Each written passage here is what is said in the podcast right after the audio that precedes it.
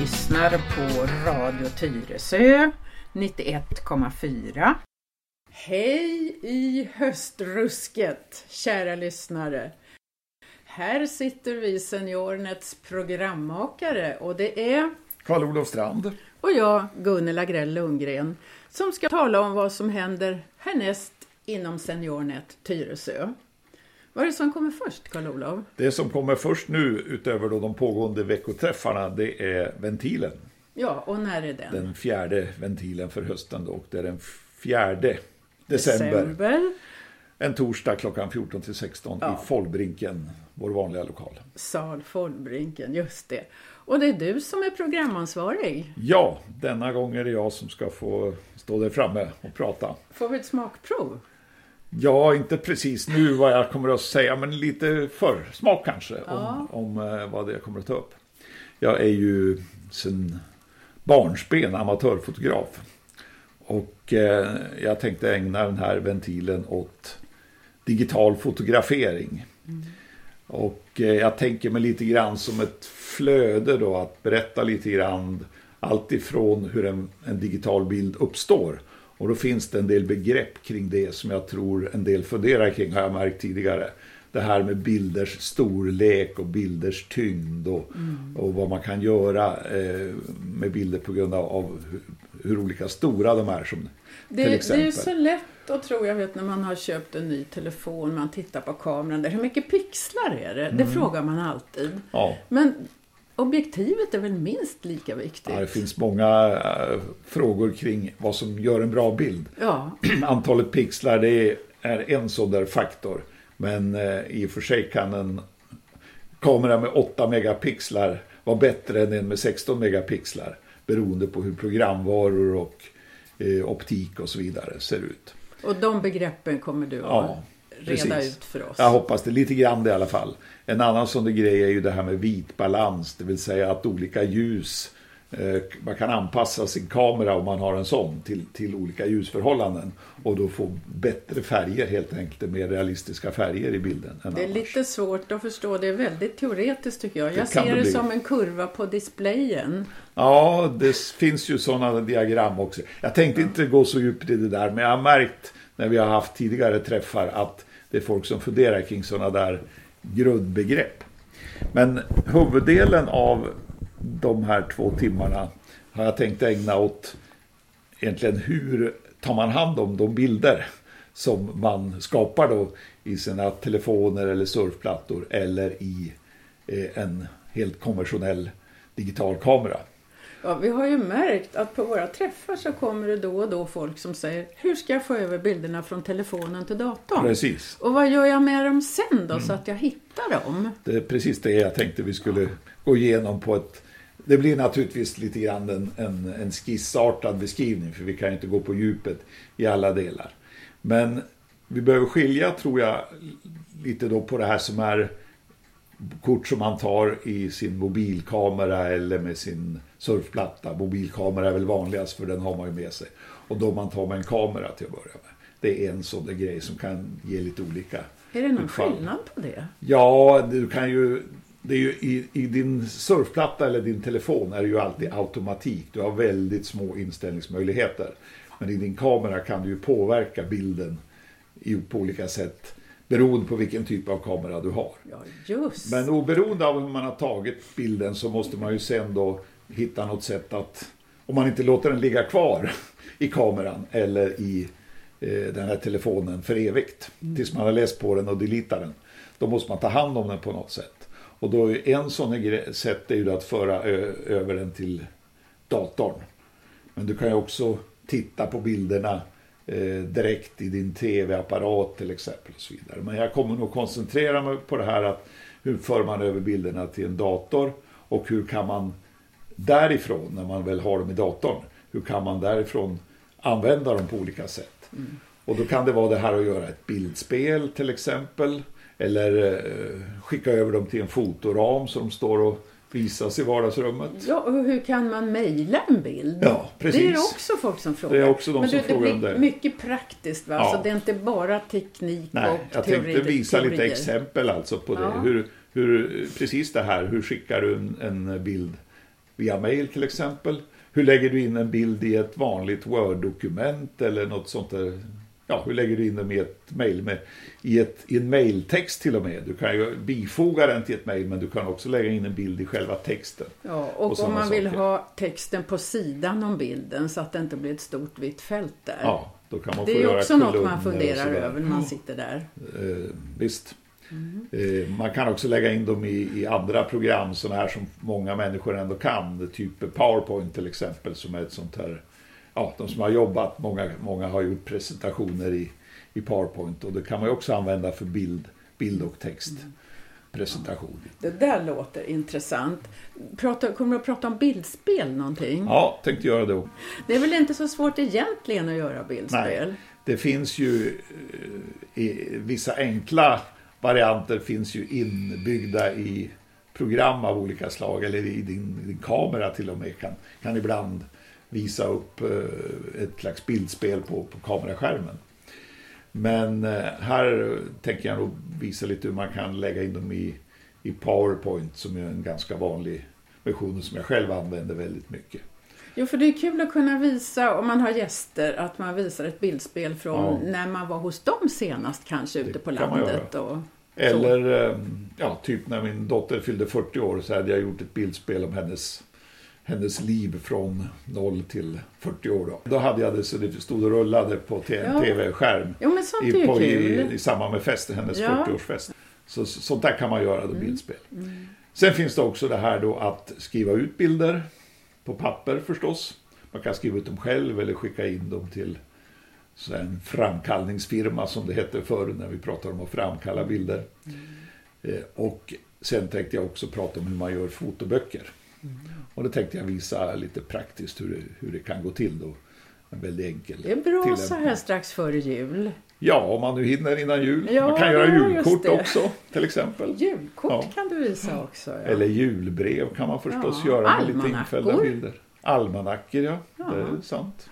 ja, det finns mycket. Ja, det finns en mängd varianter. Man kan ju dessutom göra tryck på... Man kan få sina bilder tryckta på en, en eh, t-shirt till exempel. Eller göra ett pussel till barn, barnen. Eller också gör man en tatuering på sig så Ja, en tillfällig åtminstone. Så, ja, det finns ju en oändlig mängd, nästan oändlig i alla fall, Ja. mängd sätt att använda de bilder som man eh, producerar. Mm. Sen kan man ju också behöva prata lite grann om det här risken att man blir översvämmad med bilder och hur man håller lite ordning på sina bilder. Hur man, eh, ja, här tips om hur man kan spara Ja, det tror jag många är intresserade av att få veta. Och det här med tagga, vad är Ja, tagga? du har taggar. Ska jag tagga kan, eller Ja. kan jag bli eh, spionerad på om Just jag det. taggar mig? Precis. Det, Det, är ju... frågor man kan ställa sig. Jag har, ja, jag har inte gjort så mycket taggningar, men inte av säkerhetsskäl. men du kan berätta vad Ja, tagga är absolut. för någonting Det och hur man hittar dem Precis. som är taggade. Mm.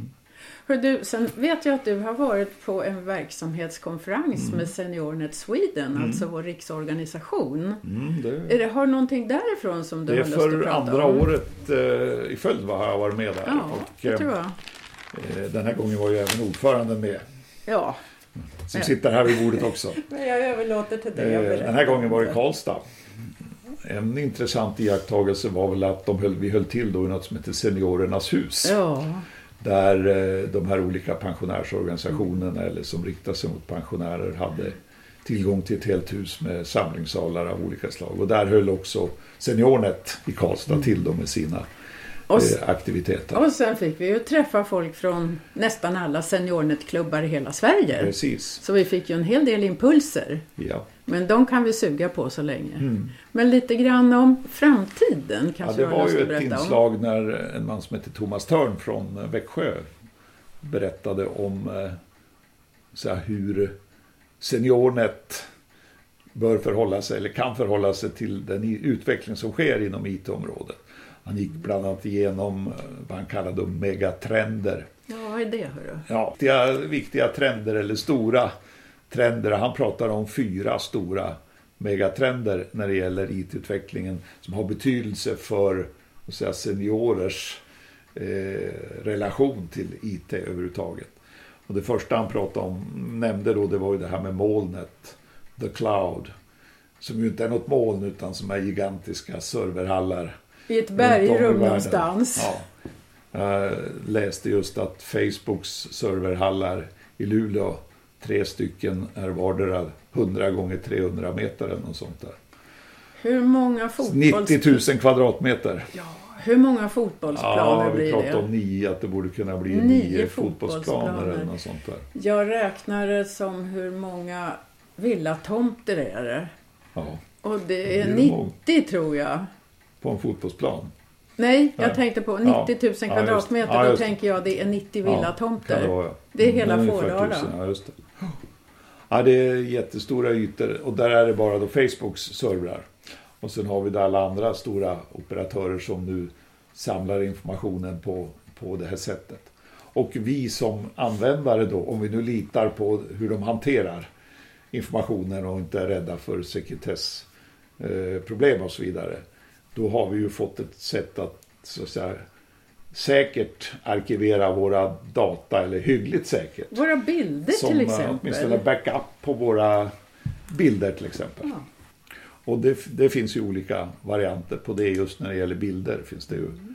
eh, ja, överhuvudtaget så vi har Dropbox till exempel och olika aktörer som, som Drive erbjuder det finns här. det något som heter. Ja, det är Google Drive, Google har ett eget, eh, Apple har iCloud, Ja, eh, Microsoft har One, eh, OneDrive tror jag det heter. Något sånt där. Mm. Eh, sen pratar man om eh, Internet of Things. Och med det menar man ju att det byggs in, in intelligens i våra prylar. I våra vardagliga De prylar. börjar att kommunicera med varandra eller med centraler på olika ställen. Mm. Eller som Gunilla Schultzén har visat. Hon har visade någon sån här själv, självgående bil. Man programmerar bilen vart den ska och så kör den dit. Vi har det här med fordonståg där man Mm. redan testar att köra långtradare tätt intill varandra. Mm. Och de gasar och, gasar och bromsar bättre än vad vi kan själva. Och just om man ska ha dem köra nära in till varandra och så vidare så ska de vara programmerade så de, de förändrar hastighet och så vidare exakt lika. Ja, det är helt otroligt. Det tredje man pratade om det var Big Data. Och med det menar man just det här att det då samlas en massa information i eh, eh, sådana här serverhallar och så vidare och hos olika leverantörer. Och av det kan man också dra en massa slutsatser. Använda informationen och, och det är mycket därför de här tjänsterna de erbjuder gratis. Därför att man kan använda informationen på väldigt hög aggregeringsnivå. Kanske då. Ja, firmorna kan alltså Ja, använda precis. den information Ja, de får in. och, sälja den vidare till för reklamändamål och sådana Det ser man ju ibland på brev man får, några massutskick. Källa står det och sen står det någonting. Då är det någon som har köpt ett adressregister. Mm. Och det är väl typ så fast i någon slags Ja. jätteformat. Ja, just det. det. Det kan vara en användning, men ett annat exempel är ju det här hur man kan dra slutsatser från eh, Google-sökningar om en influensaepidemi är på gång till exempel. Man kollar helt enkelt vad folk söker på för ord. Och sen ser man då att det är förkylning och cold och så vidare. Och då kan man följa Ja. vilka Ja. världsdelar som är drabbade och när det börjar Ja. avta och så. Ja. Så det är den typen av analys man kan göra på sådana här väldigt stora datamängder med rätt statistiska verktyg. Sen den fjärde megatrenden, det menar han var då det här med e-government. Eh, det vill säga att vi kommer att som medborgare då att ha en kontaktyta mot samhället, staten, den offentliga sektorn och så vidare. Som väldigt mycket går via eh, internet och eh, det är klart att det är väl kanske det som är mest kritiskt för seniorer då för att hänger man inte med på den här IT-utvecklingen så ställs man lite på sikt utanför de här tjänsterna då som erbjuds från samhället. Eller ja, samhället i stort, man kan räkna in också sjukvården till exempel. Där det ju kommer på bred front då det här med så här, digital hantering.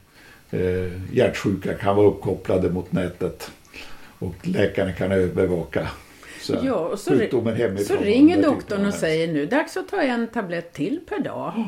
Automatisk uppringning kanske. Ja. Ja. Och till det där området kan man kanske också räkna e-handel, det vill säga att vi köper och, och säljer. Mm. Framförallt köper. Men du, alla som inte har en dator då? Hur går det med dem? Ja, alltså det var ju också uppe då på den här konferensen hur, hur stor andel av, av befolkningen är det som befinner sig utanförskap. Ja, hur många är det? Och jag tror man det. räknade fram då enligt, eh, det har gjorts en studie som heter Svenskarna och internet. Eh, Och den görs varje år. Och den senaste studien den visade ju en, en bra grej och det var ju att andelen personer över 65 som, som upplever att man, man är med i utvecklingen, är med på nätet, hade ökat ganska markant bara på ett år. Det är många fler som använder eh, digitala tjänster, som har surfplattor, som har smarta telefoner, som är med på Facebook och så vidare. En ganska tydlig ökning i den här åldersgruppen. Ändå räknar väl man med att, jag tror man sa att drygt 1,1 ungefär 1,1 miljon svenskar inte har tillgång till internet Eller totalt. totalt, Varav då ja. huvuddelen är över 65 år, eller över 55 kanske man sa där. Men, men att det rörde sig om så här 700 000 personer i vår målgrupp, i SeniorNets målgrupp så att säga, 55-plussare, som inte har tillgång till internet idag. Och det säger ju att det fortfarande finns en, en väldigt stor så här, plattform, eller ett väldigt stor utrymme för det vi vill jobba med i den här föreningen. Då är de välkomna till SeniorNet. Så Precis. ska vi hjälpa dem igång. Mm. Det var ventilen. Ja. Hinner med allt det där på två timmar? Ah, det här, om vi ska prata om megatrender, det blir nog mer i mån av tid. Om Ja, det blir någon tid över efter foton. men det ska bli väldigt intressant tycker jag. Det är alltså ventilen torsdagen den 4 december klockan 14 till 16 i Kvarnhjulet, sal Follbrinken.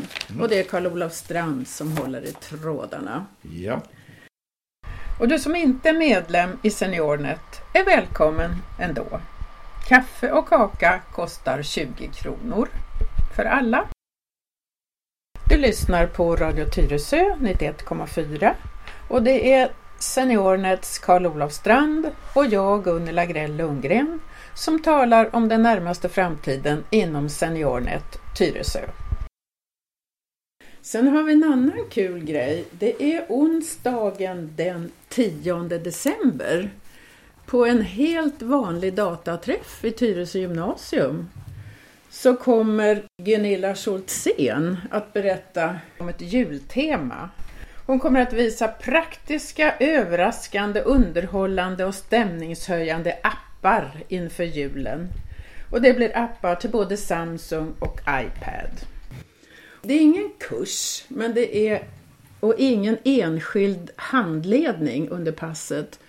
Men hon kommer att visa då hur man kan använda apparna till alla möjliga skojiga saker inför julen. Och mot slutet så kommer det att finnas tid att få ladda ner några av apparna på sin egen surfplatta, så ta med den. Och sen kommer länkarna till apparna kommer du att lägga ut på vår hemsida. www.senty.se Ja, www.senty.se